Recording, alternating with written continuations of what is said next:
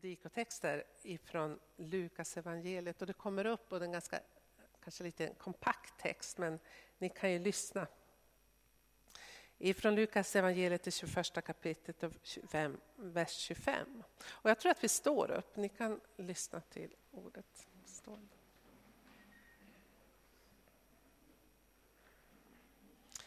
Tecken ska visa sig i solen och månen och stjärnorna och på jorden skall hedningarna gripas av ångest och rådlöshet vid havet och vågornas dån. Människor skall förgås av skräck i väntan på vad som ska komma över världen, till himmelens makter skall skakas.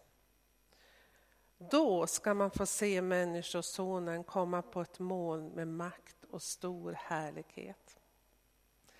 När allt detta börjar så räta på er. Och lyft era huvuden, ty er befrielse närmar sig. Han gav dem en liknelse. Se på fikonträdet och alla andra träd. När det börjar knoppas då förstår ni av er själva att nu är sommaren nära. På samma sätt vet ni när ni ser detta hända att Guds rike är nära. Sannerligen, detta släkte ska inte förgå förrän allt detta händer. Himmel och jord ska förgå, men mina ord skall aldrig förgå. Var på er vakt så inte era sinnen fördunklas av omåttlighet och dryckenskap och livets bekymmer.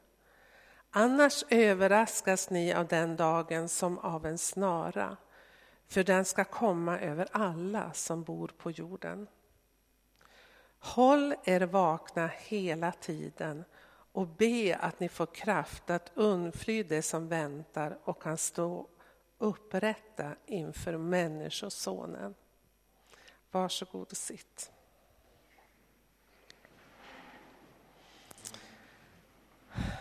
Då ska ni få se Människosonen komma på ett moln med makt och härlighet.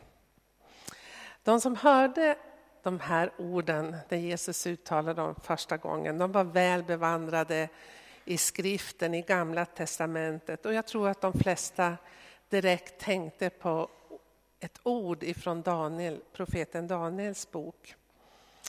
Profeten Daniel han levde ungefär 500 år före Kristus och han berättar att han vid ett tillfälle såg en syn.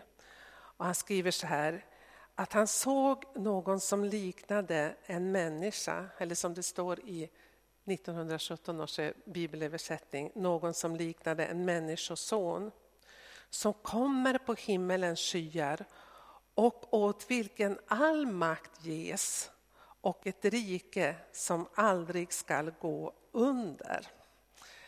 En människoson som kommer på himmelens skyar åt vilken ges all makt och ett rike som aldrig ska gå under. De som lyssnade förstod direkt att Jesus syftade på det här. När jag växte upp så tänkte jag det här, när Jesus talade om sig själv som människosonen så var det liksom som att han ville göra sig mindre eller ja, inte så tydligt peka på att han var Guds son. Men det här uttrycket är de flesta bibelforskare, eller jag skulle kunna tänka mig alla, helt överens om att det Jesus syftar på det är just det här bibelstället i Daniels bok. Så när Jesus talar om sig själv som Människosonen så förminskar inte han sig själv utan snarare han gör anspråk på att uppfylla profetian i Daniels bok som uttalades 500 år tidigare. Jesu återkomst i makt och härlighet talar vi inte så ofta om, kanske i vår, våra dagar tyvärr. Trots att tidstecknen så tydligt tyder på att det Bibeln talar om ska ske i den yttersta tiden är något som vi lever mitt i. Krig, rykten om världskrig, till och med påven har talat om att vi kanske står på randen av ett tredje världskrig eller mitt i det. Terror, människor som lever under förtryck och inte minst att så många kristna på vår jord just nu lider förföljelse och är förtryckta. Flyktingkatastrof och klimathot. I fredags så läste jag i Norrköpingstidningen, det kanske ni också gjorde, en intervju med miljöprofessorn John Rockström som har sina rötter i Finspång, visste inte jag. Och igår så skulle han tala, och jag tror att han gjorde det, på klimatmötet i Paris som just nu pågår. Och I den här intervjun i NT så säger han så här. Det har aldrig funnits så goda skäl till djup oro samtidigt som jag aldrig varit så hoppfull. Oron beskriver han så här. Han säger att mer än två graders uppvärmning av jorden gör att jorden mer eller mindre kollapsar. För då sätts, kommer troligtvis processer att sättas igång som kan leda till att uppvärmningen studsar, som man säger, till upp till fyra grader, ja kanske upp till sex grader väldigt snabbt. Och det kommer att leda till enorma naturkatastrofer och ännu större flyktingkatastrofer. Och sammanfattningsvis så säger han så här att man kan säga att förutsättningar för allt mänskligt liv på jorden hotas. Och vidare att om världen inte lyckas ena om att minska utsläppen under detta år 2015 kan det vara för sent för jordens överlevnad. Då kan man ju undra varför Rockström samtidigt säger att han är hoppfull. Ja, han hoppas att världens ledare ska lyssna. Och lite grann har de börjat ta det här med miljöhotet på större allvar och kanske även vi. Vi kan bara be och hoppas. Jag vet inte om du läste den här intervjun eller om du bara hoppade över den i tidningen. Eller du kanske inte har NT, det är många som, alla har ju inte det. eh, vad tänker du? vad tänker jag? Visst är det overkligt att ta in? Svårt. Men helt klart så är det så att fler och fler i vårt samhälle börjar ta in att framtiden är oviss. Och att vi, inte minst vi i västvärlden, i den rika delen av världen, behöver ändra vår livsstil. Och vi börjar tänka på hur ska det gå med vår jord? Ur en kristen synvinkel, ur ett kristet perspektiv, så borde den här frågan om klimatet verkligen engagera oss. Därför redan i första Mosebok, de första kapitlen, så ger ju Gud oss människor ett ansvar att förvalta jordens resurser. Och vi kan inte säga att vi har gjort det på ett bra sätt. Vi kommer få stå till svars för det. Men det värsta tycker jag nästan är att det är vi rika som har tagit för oss så mycket. Och när klimatkrisen ökar i världen så är det de fattiga som drabbas. Och det borde också göra att vi kristna borde ta den här frågan på stort allvar. Därför att blir det större nöd i världen, större klimatkatastrofer, så är det de fattiga som drabbas. Och det ser vi ju redan nu med översvämningar och jordbävningar och allting. När jag läste den här texten så var det en rad som jag faktiskt aldrig har tänkt på förut. Jag tror inte det. Man läser i Bibeln många gånger så plötsligt så hoppade en, en, en, rad fram och det var just det här Människorna skall förgås av skräck i väntan på vad som skall komma. Alltså när tecknen visar sig i solen och månen, när vi börjar höra rykten om krig och så vidare som det står tidigare i texten. Då står det att människorna ska förgås av skräck i väntan på vad som ska komma. Är inte det verkligen ett ord för vår tid? Någonting som väldigt många människor känner nu. Även i vårt land. Man undrar, hur ska det gå?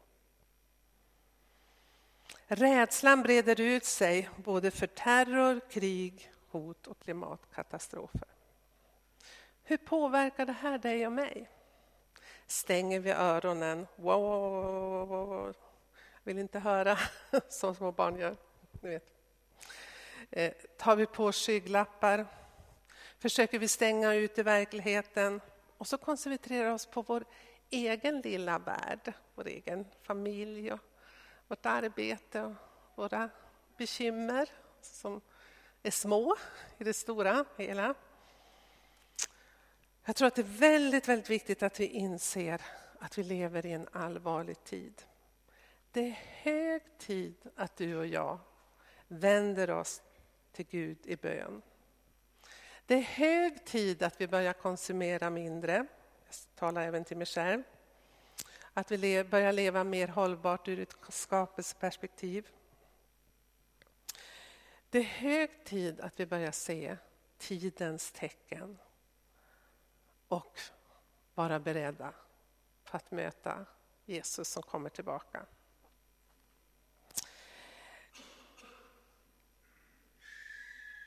I profeten Jesaja bok, profeten Jesaja som levde på 700-talet före Kristus, så står ett ord, det kommer inte upp på väggen men ni kan lyssna till mig, som jag tycker är så otroligt och jag har citerat det tidigare.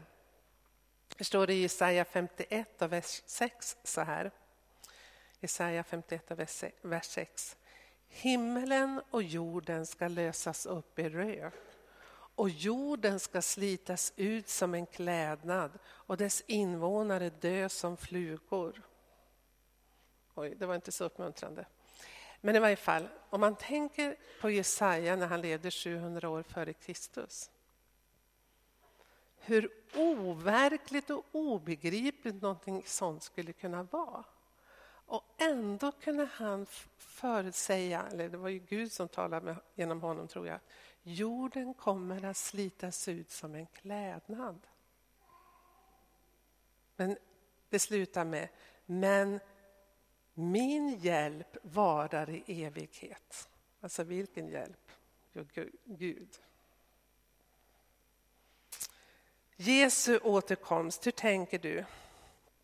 Är tanken på Jesu återkomst en tröst eller något som inger dig fruktan? Är det ett hopp? Eller är det någonting som är fullkomligt overkligt. Tänk tanken att Jesus plötsligt skulle komma tillbaka nu. Precis som Bibeln beskriver. In i vår verklighet med makt och härlighet. Han kommer inte med härar, men han kommer med makt och härlighet.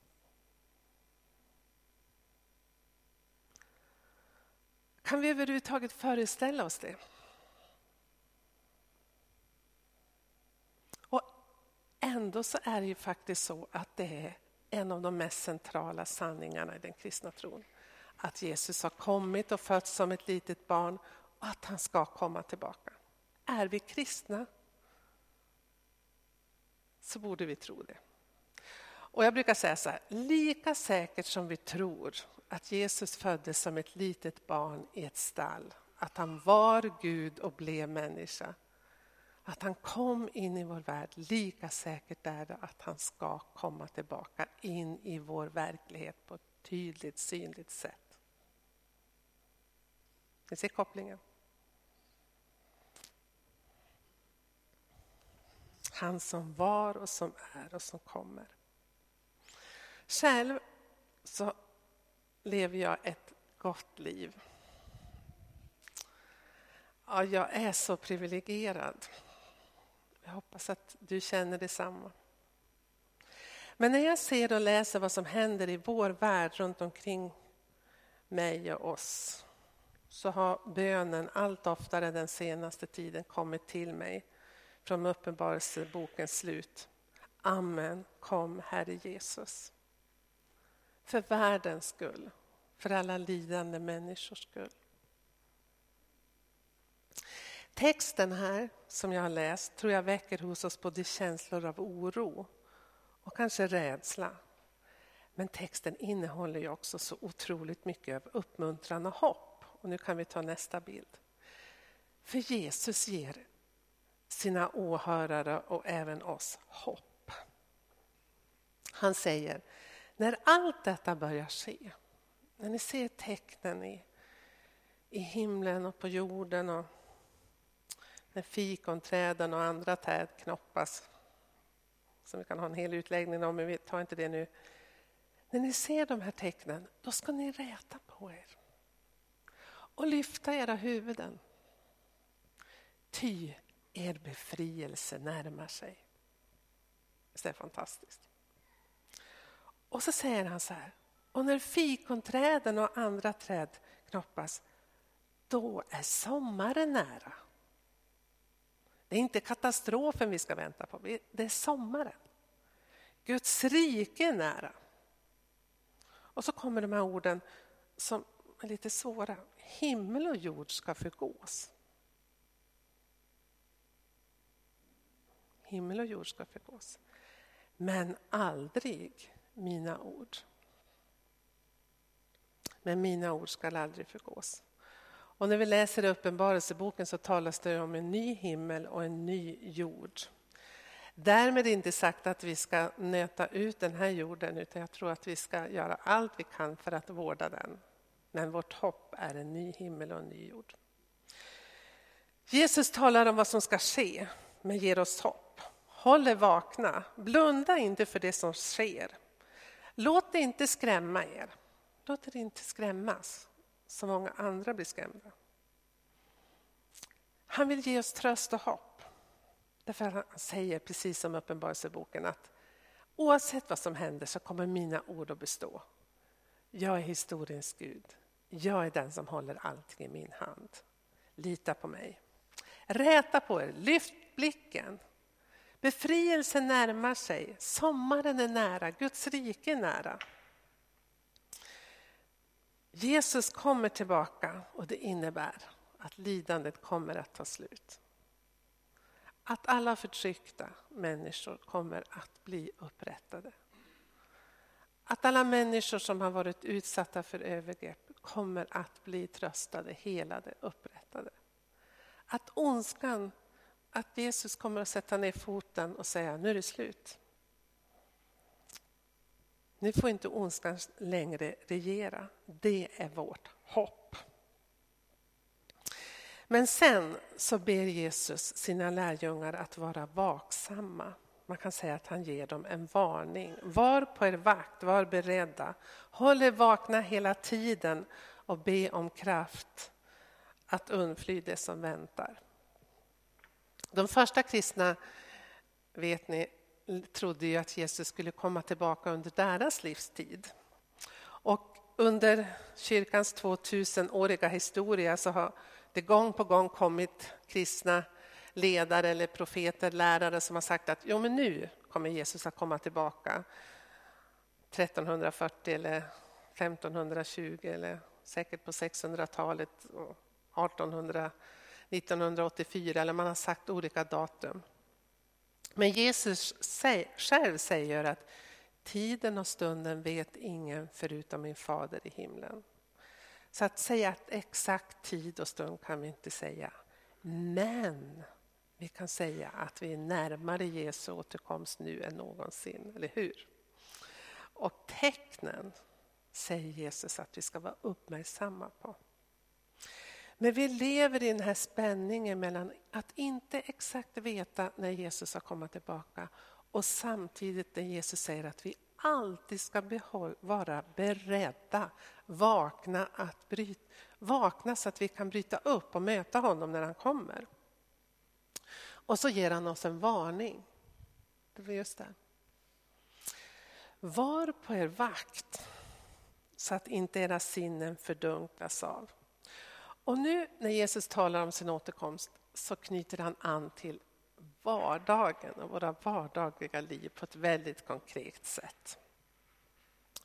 Det här på att, så att inte era sinnen fördunklas av, bokstavligen står det så här, var på er vakt så att inte era sinnen tyngs ner av omåttlighet, dryckenskap och livets bekymmer. Ordet omåttlighet, i grundtexten så står ett ord som även kan betyda slösaktighet, överflöd och övermättnad. Oj. Detta är väl ett budskap till oss.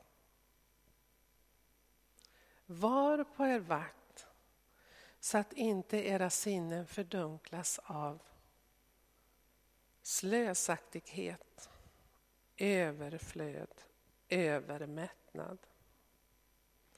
Är inte det ett ord som vi behöver höra i juletid när vi än en gång hör att julhandeln kommer att slå alla rekord?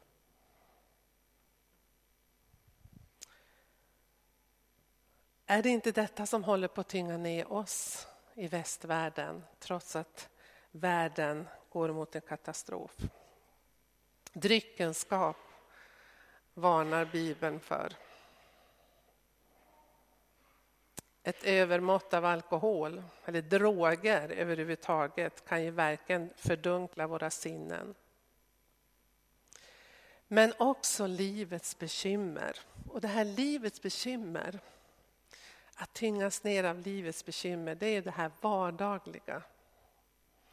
Som också Jesus talar om när, när han berättar liknelsen om såningsmannen som går ut och sår ordet och en del faller bland tistlar och törnar och så beskriver han det som vardagens bekymmer och omsorger. Att det, det kan så lätt uppta oss, det vardagliga, små, små, små, små saker som läggs till. Det vi bara upptas av här och nu. Och då ställer jag frågan till mig och till dig. Vad är det i ditt och mitt liv som fördunklar våra sinnen? Eller som tynger ner oss så att vi inte lever beredda att möta Jesus? Vad är det i ditt liv som du behöver lägga bort, lasta av dig så att inte ditt sinne tyngs ner, så att du inte ser klart. Och hur ska vi då kunna undvika detta? Att inte tyngas ner och fördunklas av omotlighet, ryckenskap och livets bekymmer. Jag tycker att det innehåller i stort sett det mesta. Hur ska vi undvika det? Jag tror vi har en bild. Lev med en lätt packning. Jag tror att de flesta av oss skulle behöva rensa ut inte bara i garderoben utan i våra, jag höll på att säga bokhyllor, men det jättesvårt. Det tycker min man att jag ska göra. Ja, mm. även bokhyllorna. Och våra skåp, våra kläder. Men också rensa i vår almanacka, i vår kalender som är så fulltecknad så att vi överhuvudtaget inte har tid att överhuvudtaget be eller läsa Bibeln, söka Gud eller gå till gudstjänst. Håll er vakna hela tiden och var beredda att bryta upp. Vi kan inte hålla oss vakna hela tiden om vi inte tar tid att be till Gud, söka Gud i vår egen ensamhet. Men också söka oss till den kristna gemenskapen, till gudstjänsten, till nattvarden och så vidare. Så att vi får kraft att hålla fast vid Jesus. För vi lever i en svår tid. Just nu är det, ja, man kan inte säga att det är lugnt i Sverige, vi har det lite mer rörigt än vanligt, men det är ingen katastrof i jämförelse med hur det är för de flesta platser på vår jord. Men vi vet ingenting om morgondagen. Vi behöver be om kraft att undfly det som väntar. Så vill jag avsluta med att läsa en, en liknelse till som Jesus berättade och som jag läste för några veckor sedan och som jag blev så, jag är så fascinerad av. Eh, jag ska strax berätta varför, men jag läser texten först. Och det här är från tidigare, från Lukas 12. Där står det så här. Också det här att vara beredd. Fäst upp era kläder och håll lamporna brinnande. Var som en tjänare som väntar på att deras herre ska komma hem från ett bröllop så att de genast kan öppna när han kommer och bultar på porten. På tal om det, ni tittar väl inte på tv förstår jag, och på Downton Abbey. Och det är ju en helt underbar serie. Och den här eh, gamla grevinnan som kom hem eh, hade varit utlandsresa igår kväll och så var butlern var ju inte hemma Därför att han visste inte att hon skulle komma hem. Såg ni det? Alltså, hon var lite förgrymmad. Hon sa en bra battler är alltid hemma, även om inte han vet när, när eh, Eh, husfrun, eller vad ska man säga, grevinnan skulle komma. Jag, jag kommer att tänka på det nu. Det var en utvidgning, men det var i fall ganska roligt tycker jag. Ja. en bra tjänare väntar på deras herre ska komma hem från ett bröllop så att det genast kan öppna när han kommer och bulta på porten oavsett om han inte har sagt när han kommer. Saliga de tjänare eftersom deras herre finner dem vakna när han kommer. Och så kommer de här fantastiska orden.